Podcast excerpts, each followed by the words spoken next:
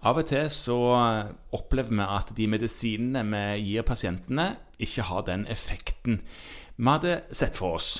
Nei, det stemmer. Og det kan jo da være at det var noe galt med valg av medisin, eller at pasienten ikke tar den medisinen akkurat sånn som vi hadde tenkt de skulle. Men det kan være en annen grunn òg, ble jeg oppmerksom på her om dagen. Ja, at eh, de rett og slett ikke klarer å ta opp medisinen, kanskje? At det var noe tarmgreier? Ja. det kunne det vært. Ja. Nei, ja, eh, De gjorde nok det òg, men når de kom inn i kroppen, så hadde ikke disse menneskene, eller akkurat denne personen, hadde noe gengreier da, vet du.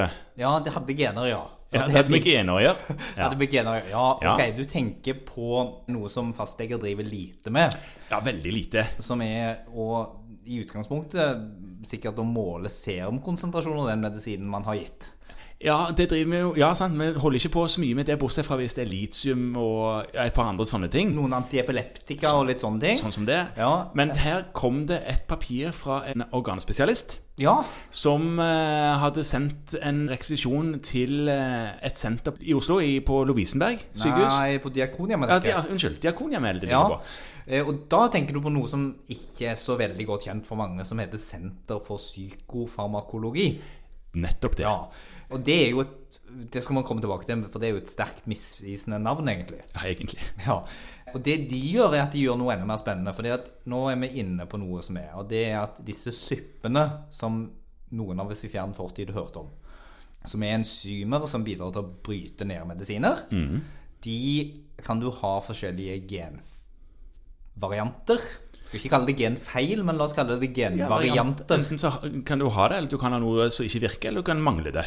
Ja. Ja. Eh, Ellers kan det virke kjempegodt. Ja, det- det gjør- ja. Faktisk også. Faktisk. Og det de kan gjøre, er at de kan gjøre gensekvenseringer for å finne ut om, om du har en ikke helt standardisert funksjon i disse forskjellige suppene. Og de tester mange av de. Ja. Men Vi skal ikke gå inn på alle de tallene, for det er ikke så veldig podkastvennlig. Men nå kan vi jo reklamere for å bare søke opp Senter for psykofarmakologi på nettet. Ja. Så finner du det. Ja, og Det som er fint med den lappen jeg fikk med svaret, var jo at der sto det et telefonnummer som jeg kunne ringe. Og det gjorde jeg. De var ekstremt villige til å være med og diskutere hva dette betød. For det tolkningen av det var jo ikke helt sånn selvsagt for meg som ikke hadde sett sånne svar før. Nei, og det er opplagt. Og de er veldig behjelpelige. Det som er nyttig med å gå inn og se på den siden og Dette er jo ikke noe man skal ta som screening for å finne ut av om du skal gi en medisin eller ikke. Nei. I all hovedsak så er dette noe som kommer til å bli rekvirert av andre enn oss. Hvis du skulle få veldig lyst, eh, så ligger det rekvisisjonsskjema på nett. Så du kan på en måte laste det ned og skrive det ut og sende prøven. Står alt om hvordan den skal tas. Men det er jo når man har en terapisvikt av et medikament, og tenker at det var veldig rart. Fordi denne pasienten har jo tatt medisinen som foreskrevet. Eh, Dette er en pasient som har litt sånn tvangspreget, så de gjør akkurat det du har tenkt at de skal gjøre. Og så virker det fortsatt ikke. Og det som er nyttig å huske på, er at dette er mer relevant for flere medikamentgrupper enn det du kanskje trodde Ja, utgangspunktet. Fordi jeg tror de fleste av oss tenker på epilepsi og psykofarmaka når vi snakker om dette. ja og det antyder jo òg navnet, som Ja. du var inne på. Og så hvis du da går inn og ser på hva de faktisk kan teste for, så er det medikamenter innenfor en masse grupper. Det er klart at det er st- stor del av det handler om psykofarmaka, men òg eh, smertebehandling. Altså omsetter du opiater Ja. på riktig måte. Eh, Hjerte-karmedisiner. Ja. Både NOAC og platehemmere og eh, faktisk enkelte blodtrykksmedisiner og statiner kan du ha forskjellig omsetning på. Og andre medisiner. ja. Sånn at de har et svært analyserepertoar. Og jeg tror nok ikke at dette er noe vi du og meg sånn vilt hemningsløst skal begynne å rekvirere i øst og i vest. Jeg tror at det fornuftige å gjøre hvis du får en terapisvikt, er å snakke med en eller annen organspesialist. Og så eventuelt i samråd med denne bestille denne typen analyser. ja.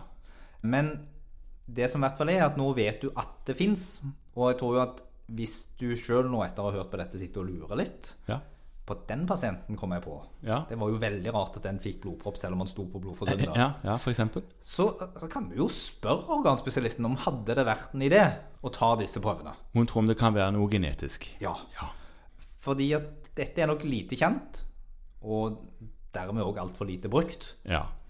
Og når det gjelder de detaljene om hva de kan gjøre, så skal vi ikke sitte og lese opp den listen, tror jeg. Nei, det går an å slå opp og sjekke det der sjøl. De har en veldig god liste om det. De har en liste om hvordan du skal ta prøven. Svartiden er ganske kort. altså De opererer ofte bare med en tre-fire dagers svartid. Så er det jo det at dette er jo i Oslo, Ja. så det skal jo sendes dit. Visst. Så det må man jo da regne med. Men sånn take home, det er relevant for langt flere organsystemer og medikamenter enn det vi kanskje trodde. Og du får hjelp til å tolke sånne litt kryptiske svar hvis du ringer og spør. Så får du et sånt svar som en eller annen har tatt. Så ring heller og spør hva betyr dette, og hvilke konsekvenser får dette for min pasient. Yes. Så blir du sikkert klokere. Veldig bra tips.